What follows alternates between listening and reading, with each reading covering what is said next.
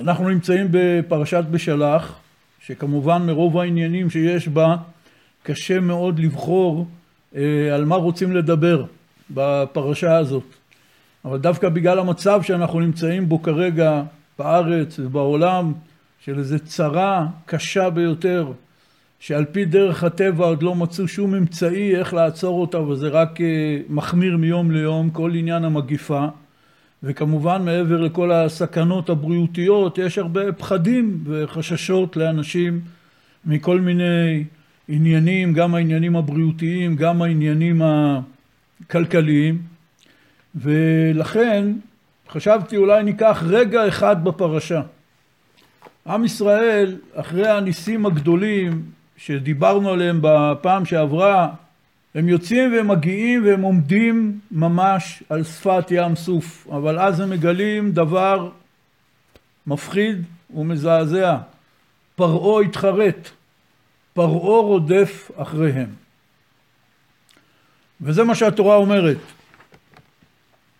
ויוגד למלך מצרים כי ברח העם ויהפך לבב פרעה ועבדיו אל העם ויאמרו מה זאת עשינו כי שילחנו את ישראל מעובדנו. ויאסור את רכבו ואת עמו לקח עמו.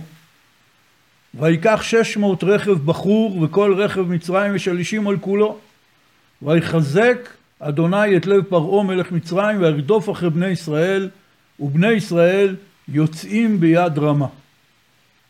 וירדפו מצרים אחריהם וישיגו אותם חונים על הים כל סוס רכב פרעה ופרשה וכללו על פי החירות לפני בעל צפון. ואז מגיע הפסוק שעליו רציתי לדבר.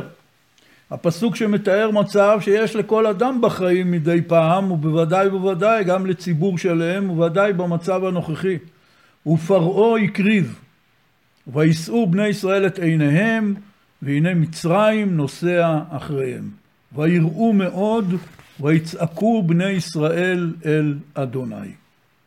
עסקו בתפילה. תכף נדבר על זה. אבל הפסוק מיד אחר כך אומר ויאמרו אל משה המבלי אין קברים במצרים לקחתנו למות במדבר מה זאת עשית לנו להוציאנו ממצרים הלא זה הדבר אשר דיברנו אליך במצרים לאמור חדל ממנו ונעבדה את מצרים כי טוב לנו עבוד את מצרים ממותנו במדבר. ואז משה עונה להם, ויאמר משה אל העם, אל תיראו, התייצבו, ראו את ישועת אדוני אשר יעשה לכם היום, כי אשר ראיתם את מצרים היום, לא תוסיפו לראותם עוד עד עולם, אדוני יילחם לכם ואתם תחרישון. כמובן שבשני הפסוקים האלה, ופרעה הקריב ויסעו בני ישראל וכולי, ויצעקו אל השם, והפסוק שבא מיד אחר כך, ויאמרו אל משה מבלי אין קברים במצרים לקחתנו למות במדבר, הם נראים סותרים. הרמב"ן, רבנו משה בן נחמן, פרשן התורה, שואל את השאלה הזאת. איך יכול להיות שאנשים שהרגע עמדו וצעקו אל השם בתפילה, פתאום יתחצפו וידברו למשה רבנו, שהוא זה שהוציא אותם ממצרים, ידברו אליו בצורה כזאת. מבלי אין קברים במצרים, לקחתנו למות במדבר. אומר הרמב"ן, אתה צריך להבין, היו בעם ישראל כתות כתות. הייתה כת שכל העניין שלה היה רק אמונה בשם ותפילה לשם וצעקה לשם. והייתה כת שהיא התעסקה בעניינים פוליטיים, כמו שאומרים. באים בטענות למשה רבנו, מה עשית לנו, למה הוצאת אותנו, הלא אמרנו לך כבר במצרים, חדל ממנו ונעבוד את מצרים כי טוב לנו עבוד את מצרים ומותנו במדבר. כלומר באים בטענות למנהיג, אומרים לו אתה רואה צדקנו, התווכחנו איתך אז עכשיו אתה רואה שאנחנו צודקים, זה עוד כת. יש כמה כתות בכל מצב של צרה, בכל מצב של מצוקה, בני אדם מתחלקים לכל מיני כתות, לכל מיני קבוצות שלכל אחת מהקבוצות יש דרך אחרת שבה היא מגיבה לאירועים. אבל יש משהו הרבה יותר גרוע מזה, שזה לא רק קבוצות בתוך הציבור, אלא גם בתוך האדם עצמו יש כתות כתות. וכולנו יודעים שאדם יכול לעמוד באמצע תפילה לשם ובתוך ליבו פתאום באה לו מחשבה על פי דרך הטבע. שסותרת את האמונה. האדם הוא יצור מורכב. כפי שהנביא אומר, עקוב הלב מכל. ככה כתוב בפסוק, עקוב זה ההפך מישר. כלומר, הלב האנושי זה הדבר הכי מפותל, הכי מורכב, הכי בעייתי שיש. עקוב הלב מכל. ואנוש הוא, ממשיך הפסוק. אנוש לא צריך להסביר. ממשיך הפסוק ואומר, מי ידענו? הלא אנוכי השם. מי יכול להבין את הלב האנושי? אומר הקדוש ברוך הוא, רק אני יכול להבין את הלב האנושי. וזה נשגב מבינת בני אדם, עקוב הלב מכל. קשה לאדם להבין לפעמים אפילו על עצמו. הוא לא מבין למה הוא מתנהג בצורה כזאת, למה יש לו רגש בצורה כזאת, למה הוא מגיב בצורה כזאת. הוא מנסה להבין ולא מצליח. כך שלא רק בעם ישראל היו כתות כתות שהגיבו באופן שונה אחת מהשנייה בזמן הצרה והמצוקה הנוראה. כל חיל מצרים עם מרכבות ברזל וסוסים וחיילים עם פרעה בראשם, פתאום משיגים אותם, אחרי שהם כבר חשבו שזהו, עברנו הכל. יצאנו ממצרים, הייתה מכת בכורות, פרעה דרש שנצא ממצרים, קמנו, יצאנו בחיפזון, אותות, מופתים, ביד חזקה, הכל נפלא.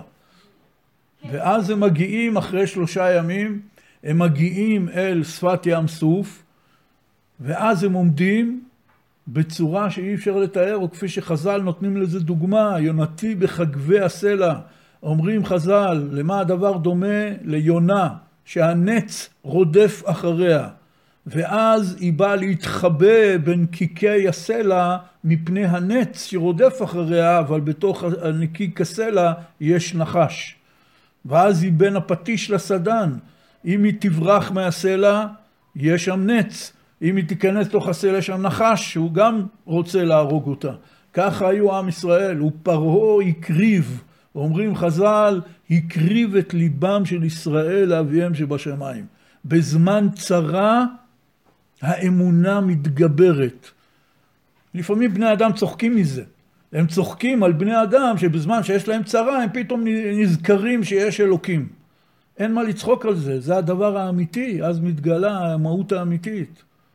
אמר לי פעם חסיד זקן, היינו ביחד בבית חולים שם, ואנשים שהם גם לא שומרי תורה ומצוות, אלה קוראים תהילים, אלה מבקשים מאיזה מישהו שנראה להם רב שייתן להם ברכה. אמר לי אותו חסיד, בשביל להחזיר את כל עם ישראל בתשובה צריך רק קצת כאב בטן, לא יותר מזה. והנה אנחנו כולנו בכאב בטן קיבוצי ענק של מיליארדים ומיליונים אנשים בעולם, של נגיף בלתי נראה לעין, שכולנו כבר מבולבלים משפע המידע של כל המדענים על הנגיף הזה, ובסך הכל הכללי מי שעוקב אחרי דבריהם יודע שגם ביניהם שורר בלבול גדול, כמו ממש בשבוע הזה, בימים האלה שאנחנו עומדים בו, שלמרות החיסונים ולמרות הסגר, בכל זאת לא רואים שיפור באופן שחשבו שיהיה. יש בלבול גדול ואין פה שום מקום לצחוק לא על המדענים ולא על הרופאים, הם עובדים עבודה קשה ביותר של ניסיון לנתח את הנתונים ולגבש מזה דרכי פעולה. אבל בסך הכל הכללי, כל העולם, למרות שכבר התרגלנו, כי זה כבר חודשים על חודשים, אבל כל העולם עומד ממש בחוסר אונים גדול מאוד מול סכנה בלתי נראית לעין. כולנו נמצאים במצב הזה, בסירה אחת. גויים ולהבדיל יהודים, בתוך עם ישראל, דתיים, חרדים וחילונים, כולם נמצאים בדיוק באותו מצב. ויש פה תקופה חדשה לגמרי, דבר מבהיל, דבר שאין לו הסבר על פי היגיון מתי כל זה ייגמר. יש תחזיות, יש ניתוחים וכן הלאה, וכמו שכולנו יודעים, יש אה, אסכולות שונות בין המדענים, לא כל שכן שאלה שמכחישים את המגפה או מתנגדים לחיסונים, גם כן יש להם תפוסה מהדהדת גם באמצעי התקשורת וגם ברשתות, ואנשים מבולבלים ולא יודעים מי צודק, לא צודק. מצב לא פשוט. צריך לקחת את הנקודה הטובה מהזמן הזה. ופרעה הקריב, הקריב את ליבם של ישראל לאביהם שבשמיים. והנה עומדים כאן על שפת הים, הים עצמו הוא סכנת טביעה. מאחורה יש את פרעה, סכנת הרג. מה עושים? יש שתי כתות, לפי דברי הרמב"ן. כת אחת עסוקה בצעקה ותפילה אל השם. כת שנייה עסוקה בלבוא בטענות למשה רבנו, לערער את אמונתו בעיני העם.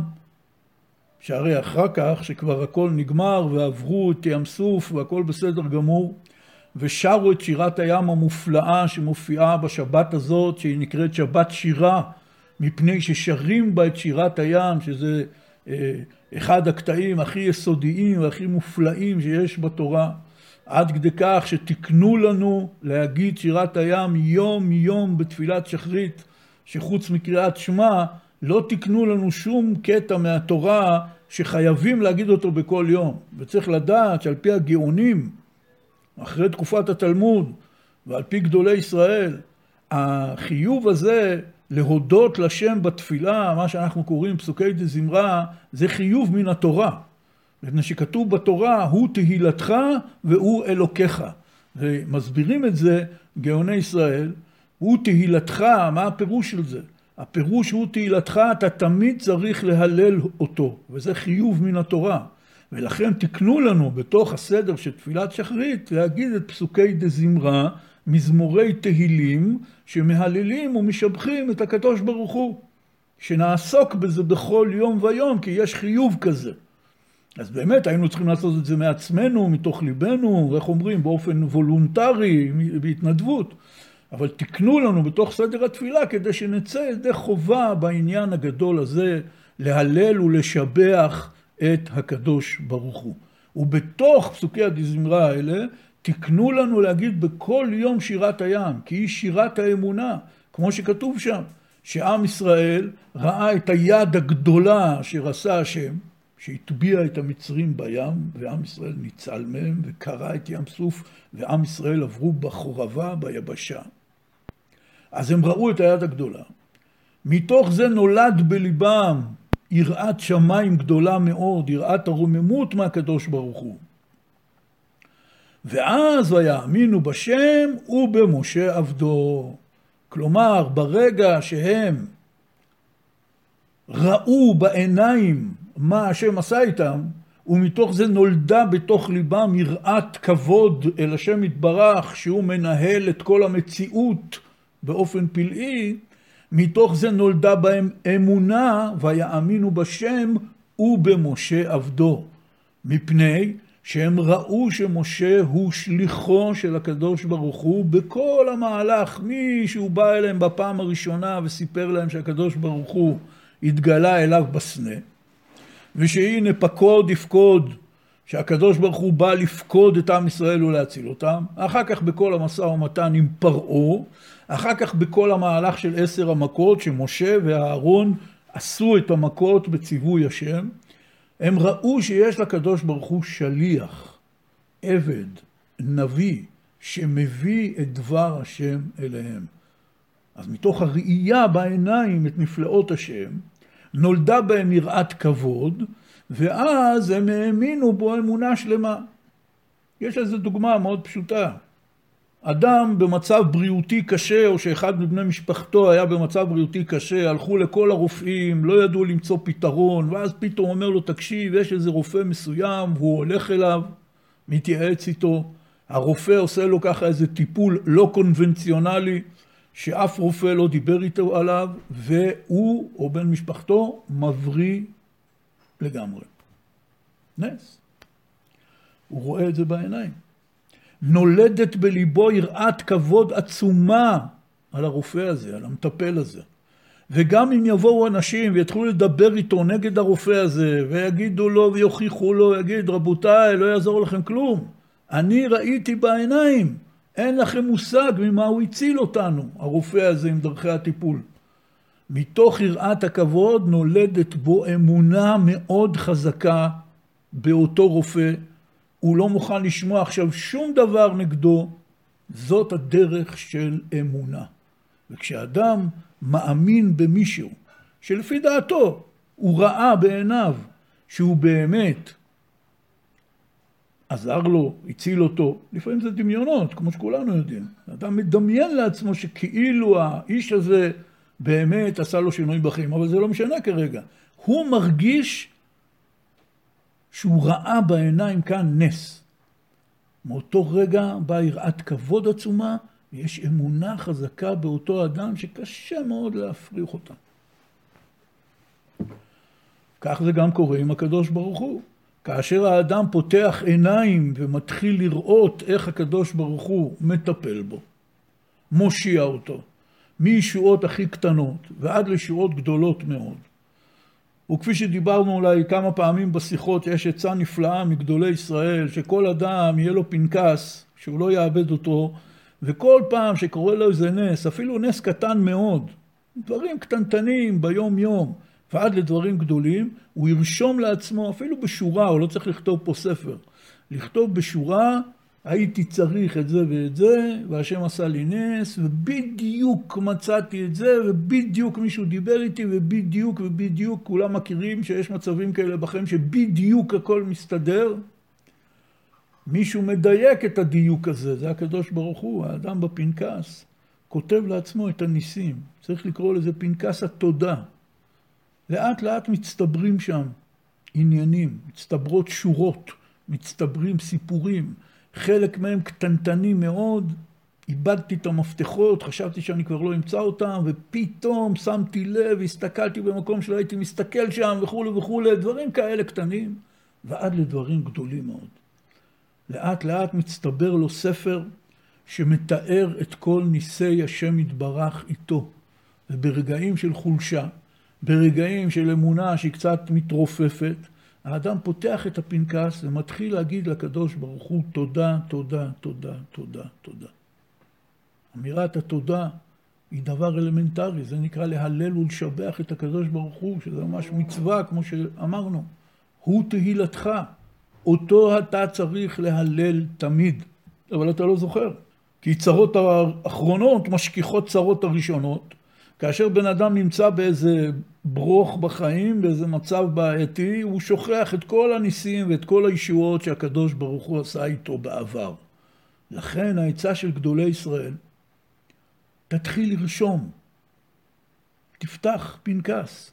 כל פעם שקורה משהו שצריך להודות עליו לקדוש ברוך הוא, אם זה שקרה לו נס בלי שהייתה לפני כן איזו מצוקה, או שהאדם היה באיזושהי מצוקה במצב של צרה, והקדוש ברוך הוא גלגל איזה מאורעות כאלה שעזרו לנו לצאת מהמצב הזה, אני רושם את זה. ואז אני מגלה פנקס אמונה. כי לפעמים אמונתו של האדם נחלשת. והרי זה בדיוק מה שקרה כאן. בפרשה, בקטע שאנחנו מדברים עליו, רגע המצוקה הזאת, שעם ישראל יצא ממצרים, לפניו ים סוף, מאחוריו פרעה, בקיצור, לאן הולכים? מה עושים?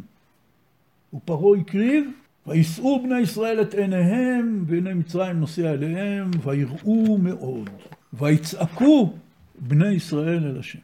ואז פתאום, הכת השנייה, אומרת למשה, אתה רואה מה עשית לנו? מה זה מועיל עכשיו? תחשבו על זה רגע.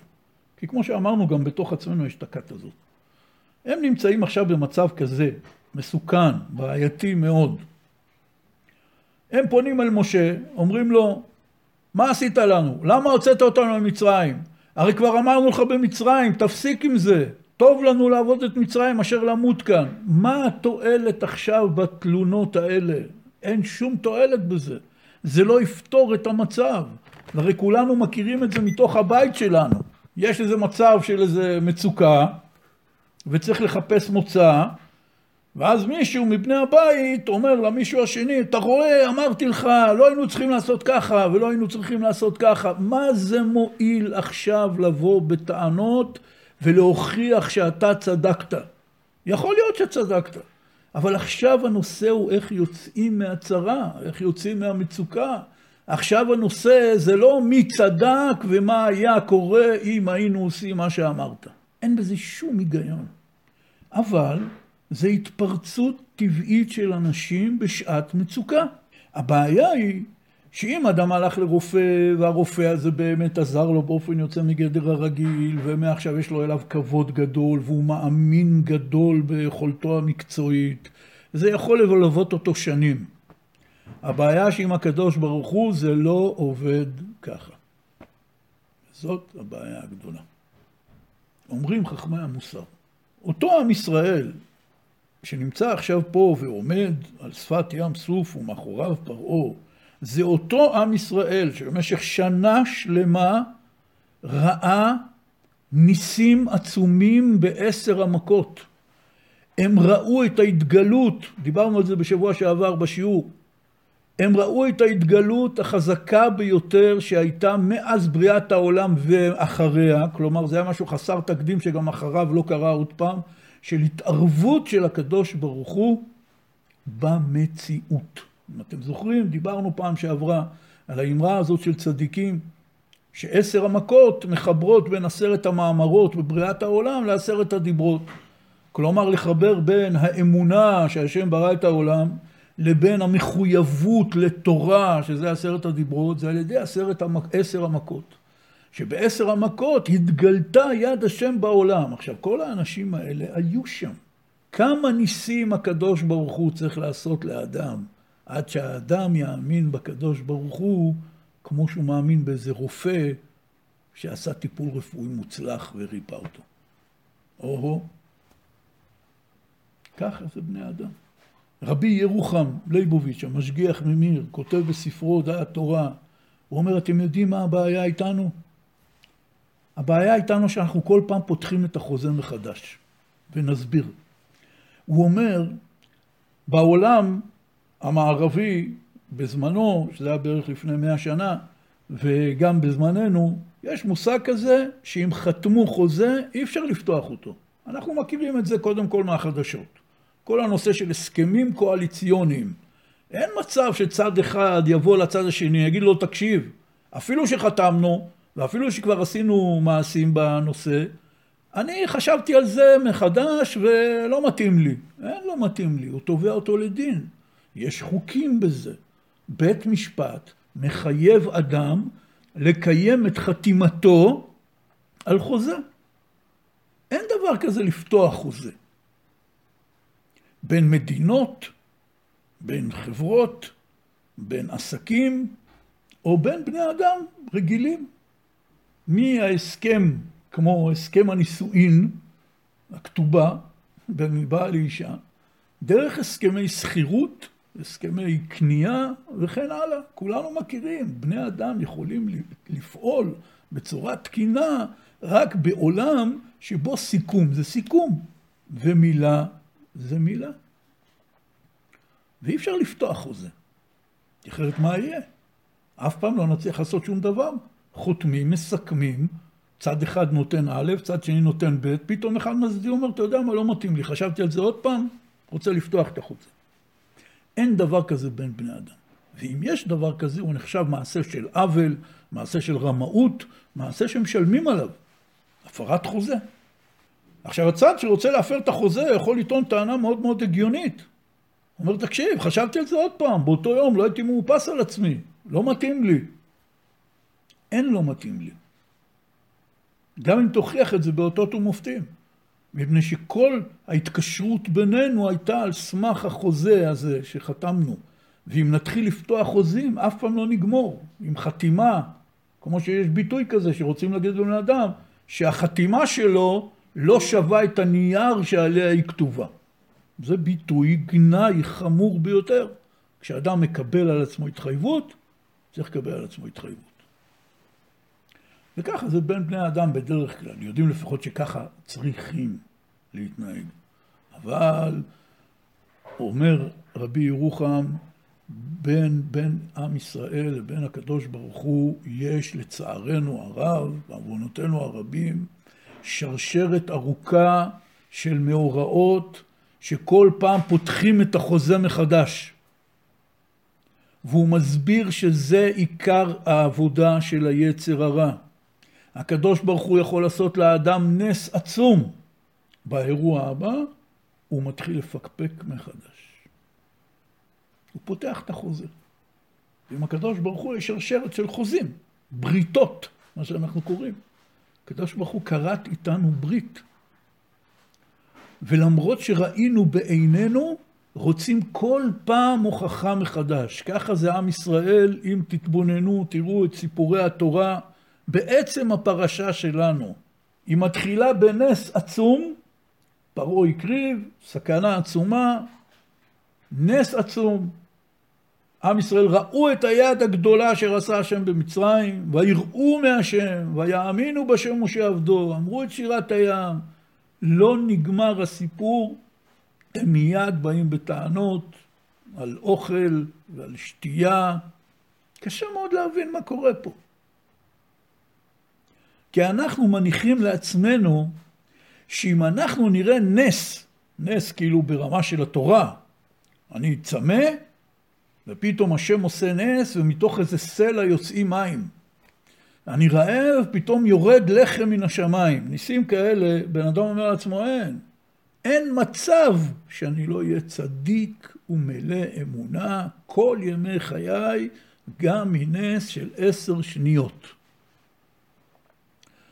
ולצערנו הרב, זה לא המצב. רואים את זה על אבותינו, רואים את זה על עצמנו. כי במציאות זה לא ככה. האדם רואה נס, מתמלא אמונה, שר, מהלל ומשבח את השם, בניסיון הבא הוא פותח את החוזה מחדש, הוא צריך הוכחות מחדש. זאת בעיה אמיתית.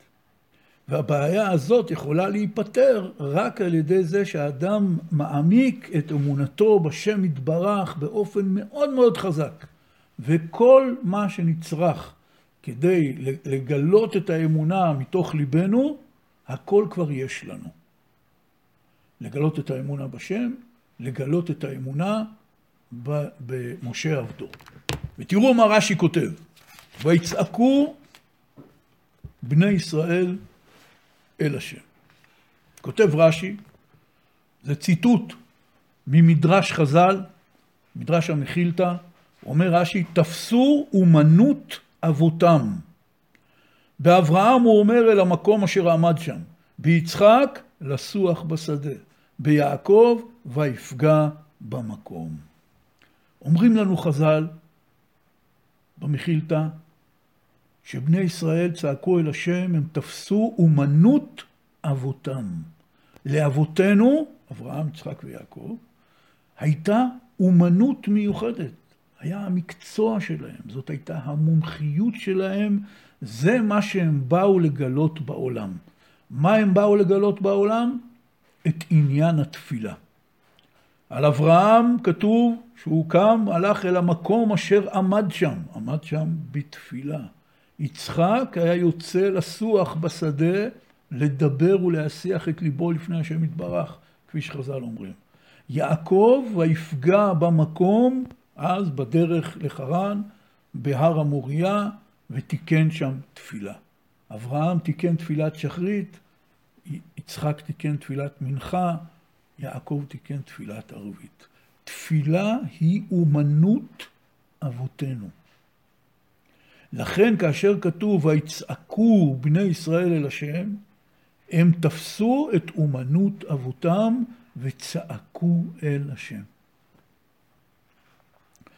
ואולי זה כבר נדוש להגיד את זה, כי כל מי שרגיל לשמוע דרשות ושיעורים שומע את זה בלי סוף, וכולנו אומרים אחד לשני את זה, פתאום מישהו שומע חדשות לא כל כך טובות, אומר, מה יהיה?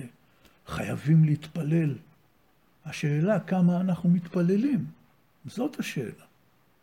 כל אחד ואחד מאיתנו, בתקופה הזאת שאנחנו חיים בה, נמצא בצרה שלא הכרנו מעולם, בכל ימי חיינו, וגם הדורות לפנינו לא הכירו את זה באופן כל כך טוטאלי, שכל העולם תחת אימת מגפה ועדיין לא מצאו תרופה ועדיין לא יודעים אם החיסון אכן יעביר את המגפה מן העולם.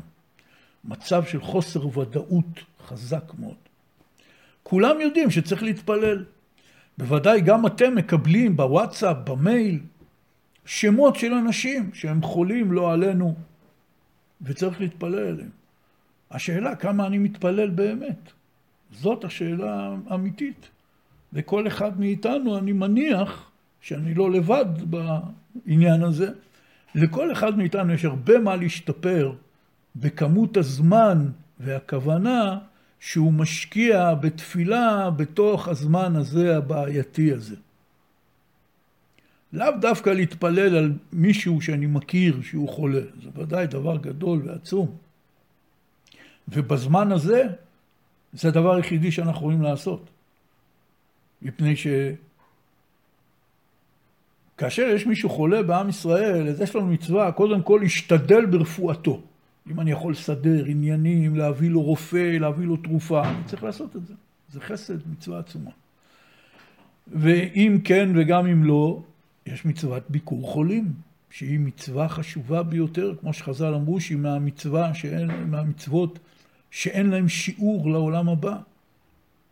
וחז"ל דיברו הרבה מאוד מהמצווה הזאת, מצוות ביקור חולים, ויש בה דינים והלכות, ועד כדי כך היא חשובה שמותר אפילו בשבת ללכת לבקר חולים. אז אומרים, שבת ימי לזעוק, יכולה היא שתרחם. מצוות ביקור חולים, מצווה מאוד חשובה. אנחנו בזמננו, במחלה הזאת שאנחנו, כל העולם נמצא בה, אין לנו שום אפשרות להשתדל ברפואת אדם, מפני שאין לזה רפואה, ואין לנו אפשרות לבקר חולים, מפני שזה מדבק. מה נשאר לנו לעשות עבור החולים? להתפלל עליהם. ואני רוצה לתת עצה מעשית. כל אחד מאיתנו יש לו כושר תפילה אחר. יש אחד שבשבילו להתפלל רצוף חמש דקות זה המון זמן. ויש אחד שהוא מסוגל גם להתפלל שעתיים רצוף. כל אחד והמדרגה שלו. כל אחד ייקח לעצמו את הזמן שהוא מסוגל לשבת ולהתפלל בריכוז, אתם יודעים, בלי לשים לב לטלפון ולשום טרדה, לוקח תהילים, אומר תהילים על עם ישראל, על צרות ישראל, אם זה על אנשים שהוא מכיר, אם זה על כלל החולים וכן הלאה, או על המצב שלו בתוך העניין, אם זה כלכלית או בריאותית. הוא ינסה לשער לעצמו את הזמן שהוא מסוגל להתפלל. לא משנה כמה זה.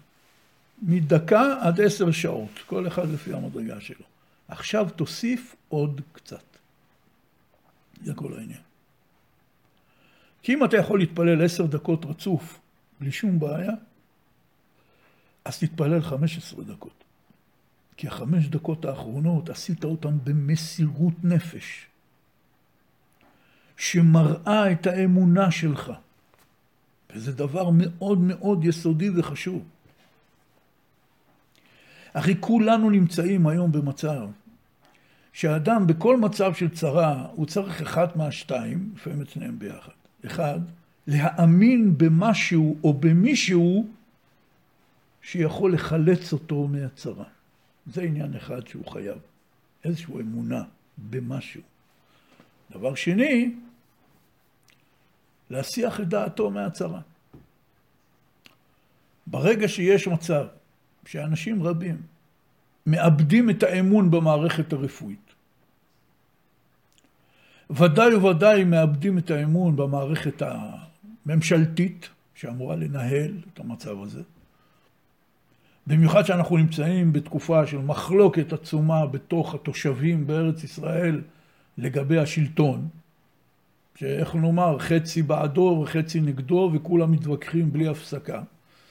וכל אחד יכול להוכיח לך באותות או במופתים, או שבעצם זה מנוהל בצורה הכי טובה בעולם מול כל המדינות, או שהצד השני יוכיח לך שזה מנוהל הכי גרוע מכל המדינות. כל אחד הוא השיטה שלו. יוצא מצב שאין כל כך במי להאמין במערכת רפואית או ממשלתית שהיא תחלץ אותנו מזה. מה נשאר? הסחת הדעת. ובזה כולם אלופים. אז כולם עסוקים בהסחת הדעת. אבל זה לא עוזר, זה לא מרפא, זה לא מחזק, זה לא נותן דרך לעמוד. הדרך היא להאמין בשם. איך אפשר לגלות ולהגביר את האמונה בשם? אפשר להגביר את האמונה בשם על ידי דיבור. הודיע אמונתך בפי. על ידי שאדם מדבר דיבורים של אמונה בפה, דברי תפילה, כמה שיותר, זה מעורר את האמונה שיש בליבו. מישהו פעם נתן לי דוגמה, זה כמו שרוצים לשאוב דלק ממכונית אחת ולמלות אותו במכונית אחרת, אז אתם יודעים, יש צינור כזה, שמכניסים אותו במכל הדלק של מכונית אחת, אבל עכשיו צריך לשאוב את הדלק משם. עושים את זה על ידי שמפמפמים עם הפה, ואז אתה עוצר אפקט של משאבה, ואז אתה מושך את הנוזל, הוא עולה למעלה בצינור, ואז הוא כבר ממשיך. בתוך הלב שלנו יש מאגרים גדולים של דלק רוחני. אמונה וביטחון בשם יתברך.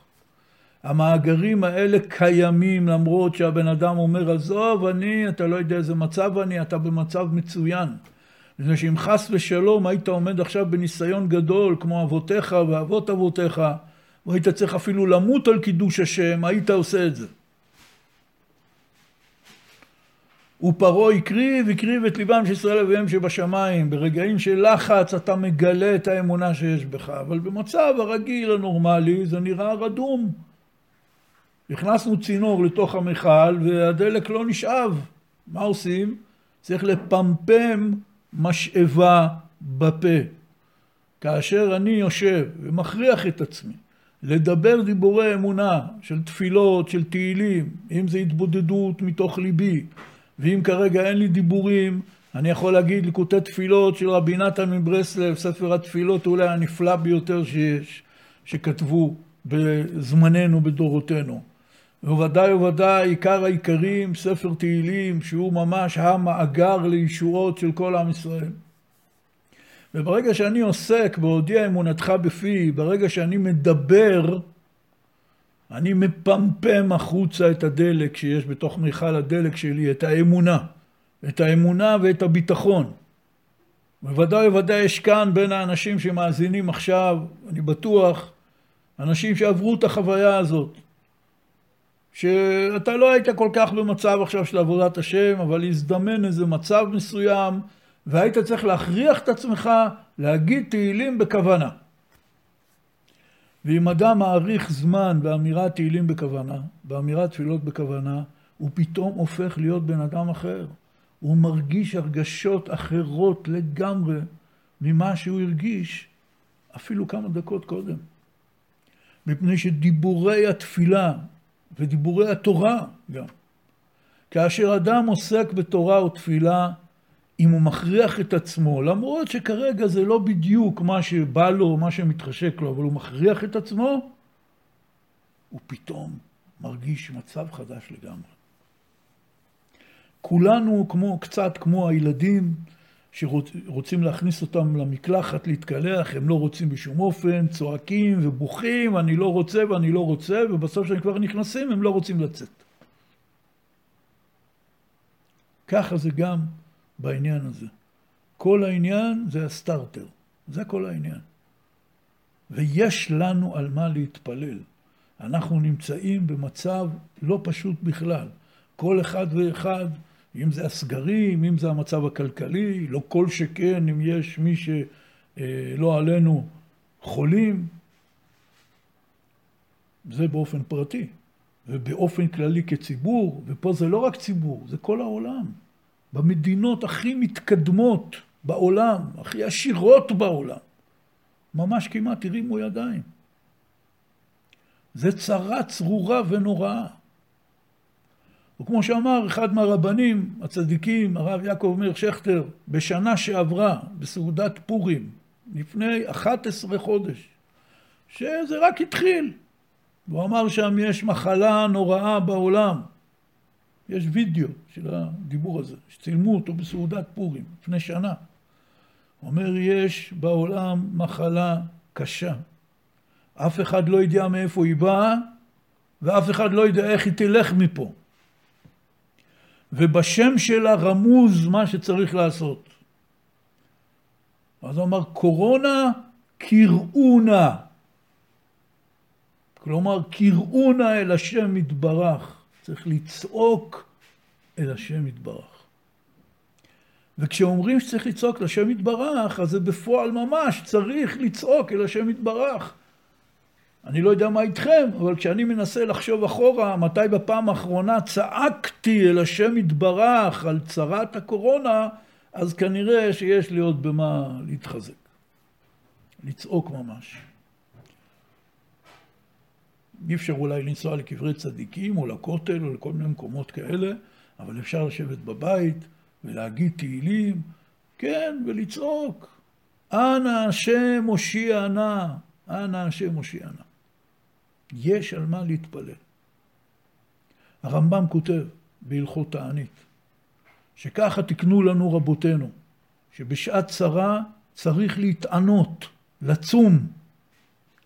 יש לזה מסכת שלמה במשנה, מסכת תענית, ומסכת שלמה בגמרא, מסכת תענית, וממנה נפסקו הלכות למעשה ברמב"ם ובשולחן ערוך. כותב שם הרמב"ם, מי שתולה את הצרות במקרי העולם, כלומר מישהו בא ואומר לו, תראה, מגפה עולמית סגרה מיליארדים אנשים בבית, עשרות מיליונים חלו במחלה, מיליונים מתו בתוך פחות משנה. חייבים לצעוק אל השם. ואז הוא אומר לו, מה, זה מגפה, משהו מהטלפים, מהסינים, אני לא יודע בדיוק, אה, זה נגיף מסוג אה, סארס קוביד 19, הוא מאוד מאוד מדבק, הוא לא קטלני מאוד, אבל הוא מדבק מאוד, ואל תדאג, יחקרו את זה, ימצאו חיסון, הכל יהיה בסדר. ממש מדען חובב. ויכול להיות שכל העובדות המדעיות שהוא אומר הן נכונות. אבל מי גרם שפתאום בתח... לפני 11 חודש בערך יתגלה בעולם ויתפשט בעולם הנגיף הזה? כן, כולם אומרים בבדיחה שיכול להיות שהיא אמיתית. איזה סיני אכל הטלף והוא הדביק את כל העולם. מי קבע שבאותה אכילה הזאת, באותה, אה, כמו שקוראים לזה היום, החולה האפס, הגראונד זירו, החולה הראשון, מי קבע שהוא ידבק וידביק אחרים? מי קבע את כל מהלך ההתפשטות הזאת? הלוא בוודאי אף אחד לא יכול להסביר את הלמה. המדע מצליח הרבה ולפעמים נכשל, הוא מנסה להסביר את האיך. אבל הלמה? אומר הרמב"ם, כשבא אחד ומתחיל להסביר את הצרות באופן כזה שהוא לא מכניס בזה את הנקודה שיש בורא עולם שבהשגחתו הדברים נעשים, אומר הרמב"ם, זאת מידת אכזריות. ככה אומר הרמב"ם. הוא לא אומר זה כפירה. הוא אומר זאת מידת אכזריות. ואצל יהודי להיות אכזרי זה הדבר הכי נורא שיכול להיות בעולם. כי ישראל הם רחמנים בני רחמנים. ומידת אכזריות לא שייכת אצל יהודי. ואם מתגלה מידת אכזריות אצל יהודי, זה יכול להיות אכזריות בלב, אכזריות בדיבור, או חס ושלום, אכזריות במעשה. אין דבר יותר מנוגד מזה ליהדות. כי עם ישראל הם ביישנים, גומלי חסדים ורחמנים. אומר הרמב"ם, כשאתה בא ומנסה לקרר אחרים מתפילה, או שאתה מקרר את עצמך מתפילה, ואתה מתחיל להסביר שהכל זה מקרה העולם פה, והכל בשליטה. זאת מידת אכזריות. וזה נכון לגבי כל תופעה בחיים.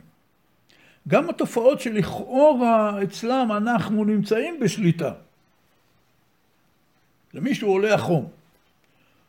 הוא אומר, בסדר, מה קרה? תיקח אקמול, צ'יק צ'אק, ירד לך החום, הכל יהיה בסדר. זה נכון, העובדה נכונה. אבל ניסיון להתנתק מהעניין הזה שהכל נעשה בידי שמיים והכל בידי שמיים. והוא עשה ועושה ויעשה לכל המעשים. ולהתנתק מהמהות היהודית העתיקה של תפילה. כמו הסבתות שלנו מכל העדות ובכל הארצות, שברגע שהייתה איזה צרה, הם היו מיד הולכות לפינה ומדברות עם הקדוש ברוך הוא בשפה שלהם, או שהיו פותחות ספר תהילים או ספר תפילות ומתפללות. זה המהלך היהודי העתיק והידוע.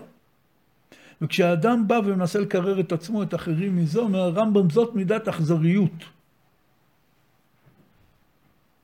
עכשיו, האם כן לצום או לא לצום, ובאיזו צורה, ומה הציבור צריך לעשות, הצהרות תפילה וכן הלאה, זה מוטל על גדולי ישראל לקבוע. זה לא אנחנו קובעים. גדולי ישראל רואים את המצב, וכמו שהיום, יש רבנים גדולים וחשובים שביקשו להוסיף אחרי התפילה מזמורי תהילים כאלה ואחרים, עושים ימי תפילה מדי פעם, כאלה ואחרים. כי גם בזה צריך להיזהר, אם עושים יותר מדי, הציבור מתחיל לזלזל בזה. וכל העניין פה הוא הכוונה של התפילה. זה לא העניין. השאלה הגדולה, מאיזה כת אני? לאן אני בורח בזמן צרה? לאן אני בורח כאשר אני עומד מול ים סוף? ואם אני אכנס אני עלול לטבוע, ומאחוריי יש את פרעה בכל רכבו, ואני נמצא באמת במצוקה עצומה. וישאו בני ישראל את עיניהם, והנה מצרים נוסע אחריהם. אין מי מאיתנו שאין לו תקופה כזאת בחיים. יש ביטוי כזה שאומרים, צרות באות בצרורות. שכבר יש איזו תקופה לא טובה, זה מכל הכיוונים. ניסיון החיים האנושי מצדיק את זה, זה באמת, יש תקופות כאלה. כל אדם נמצא לפעמים במצב הזה של מצרים נוסע אחריהם. ומלפניי הים. מה עושים? יש שתי סוגים של תגובה. יש ויראו מאוד ויצעקו בני ישראל אל השם. ויש מהם שאומרים למשה, למה הוצאת אותנו, המבלין כבר במצרים, מה יעזור לנו, עכשיו אנחנו נמות כאן, אמרנו לך כבר במצרים, תעזוב אותנו. אלה שתי שיטות. לאן אני בורח בשעת צרה? להסחת הדעת, להוכיח לכולם שאם היו עושים מה שאני אמרתי אז זה לא היה קורה, או למהלך היהודי הפשוט, האנושי, הטבעי, ויצעקו אל השם. במשנה מדברים שם על טומאה של חיות שרץ המים. כל מיני הלכות. מדברים שם שיש בעיה עם חיות אמפיביות. אם כן, המשנה אומרת, מה יהיה הדין לחיות כאלה? האם אנחנו דנים אותן כחיות יבשה או כחיות מים? יש שם בדיון הזה איזשהו הקשר הלכתי. אומרת המשנה, אנחנו בודקים לאן החיה בורחת בשעת צרה. אם בשעת צרה היא בורחת למים, כלומר שיש עליה איזה איום מסוים, היא מיד רצה למים, אז זאת נקראת חיית מים. ואם בזמן שיש עליה איום מסוים, אפילו אם היא כל היום בתוך המים, היא רצה ליבשה, אז זה חיית יבשה. כלומר, לאיפה שהיא בורחת, זה המקום האמיתי שלה. כי בשעת צרה, כל יצור, גם חיות, גם בני אדם, הוא מחפש את המקום שבו הוא יהיה הכי מוגן. אומר רבי צדוק הכהן מלובלין, כך זה גם בבני אדם. כדי לדעת מי אתה, אתה צריך להסתכל לאן אתה בורח בשעת צרה. יכול להיות אדם שהוא כל היום עוסק בלימוד, בתורה, תפילה, קוראים לו הרב. אבל בזמן שיש צרה גדולה, הוא בורח לרדיו.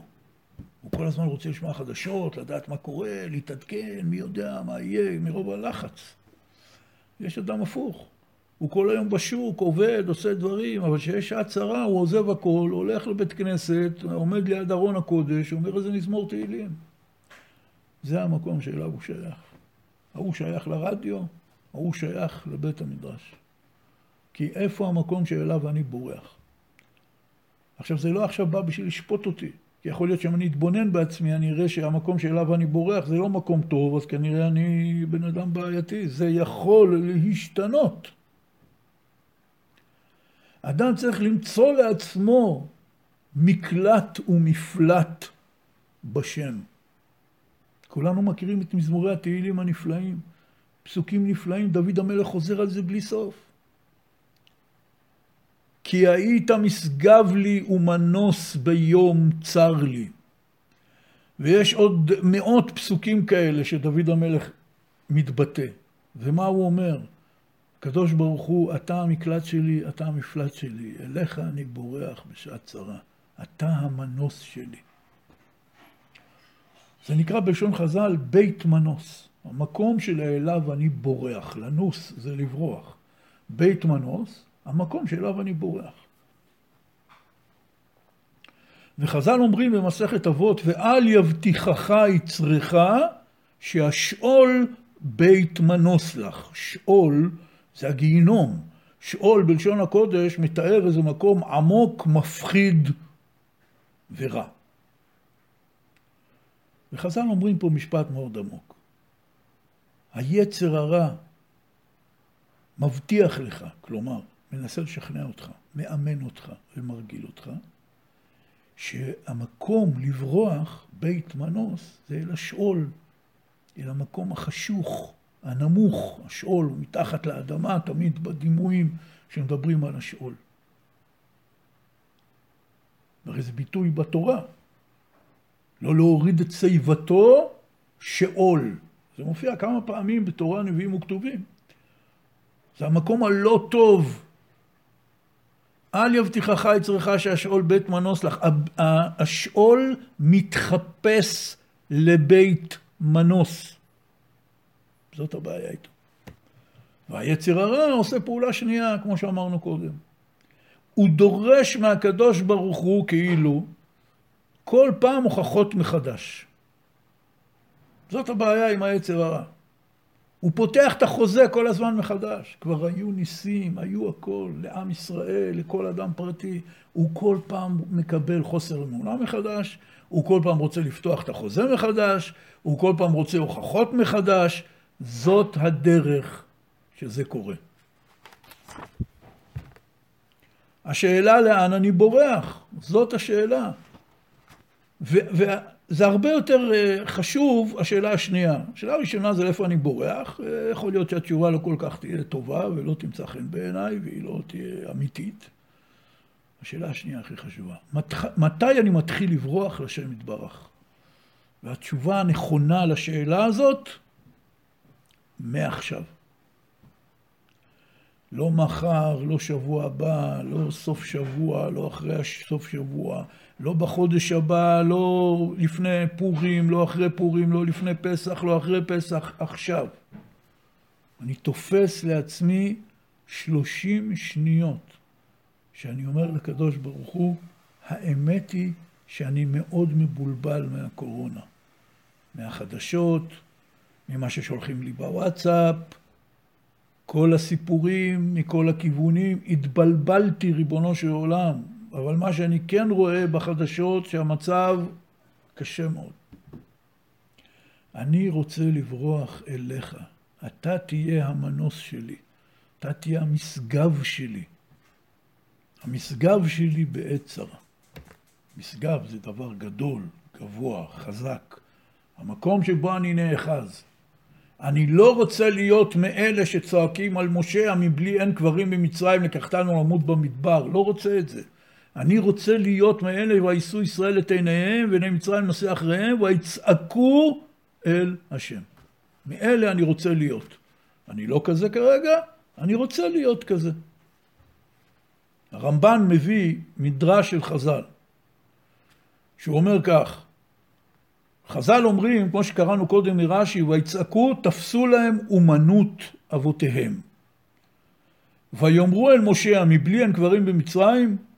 אומר המדרש כך, אומרים חז"ל, מאחר שנתנו שעור בעיסה, באו להם אצל משה, ואמרו לו, הלא זה הדבר אשר דיברנו לך במצרים.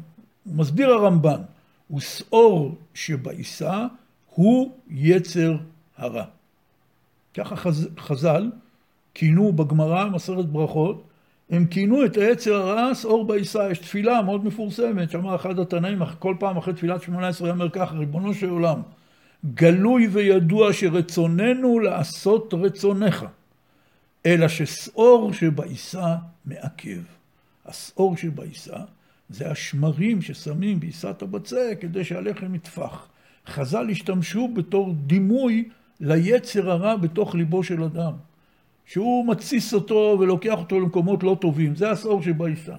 אם כן אומרים חז"ל, מאחר שנתנו שאור שבעיסה, באו אל משה. אומר הרמב"ן, שאור שבעיסה הוא יצר הרע, ודעתם לומר, כי מתחילה צעקו אל השם לתת בלב פרעה לשוב מאחריהם, וכשאשר ראו שלא היה חוזר, אבל הוא ממשיך לנסוע, ממשיך להתקרב, אז הם אמרו, לא נתקבלה תפילתנו.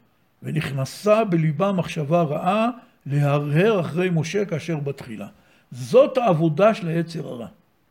היצר הרע זה כמו שיש קבוצה של אנשים שעד שכבר מגיעים לאיזשהו מהלך מסודר וסיכמו ביניהם איזה דרך, תמיד יש את הבלגניסט שמתחיל להגיד, רגע, אבל מי אמר? בואו נחשוב על זה עוד פעם, מתחיל להסית את אלה נגד אלה, הבלגניסט.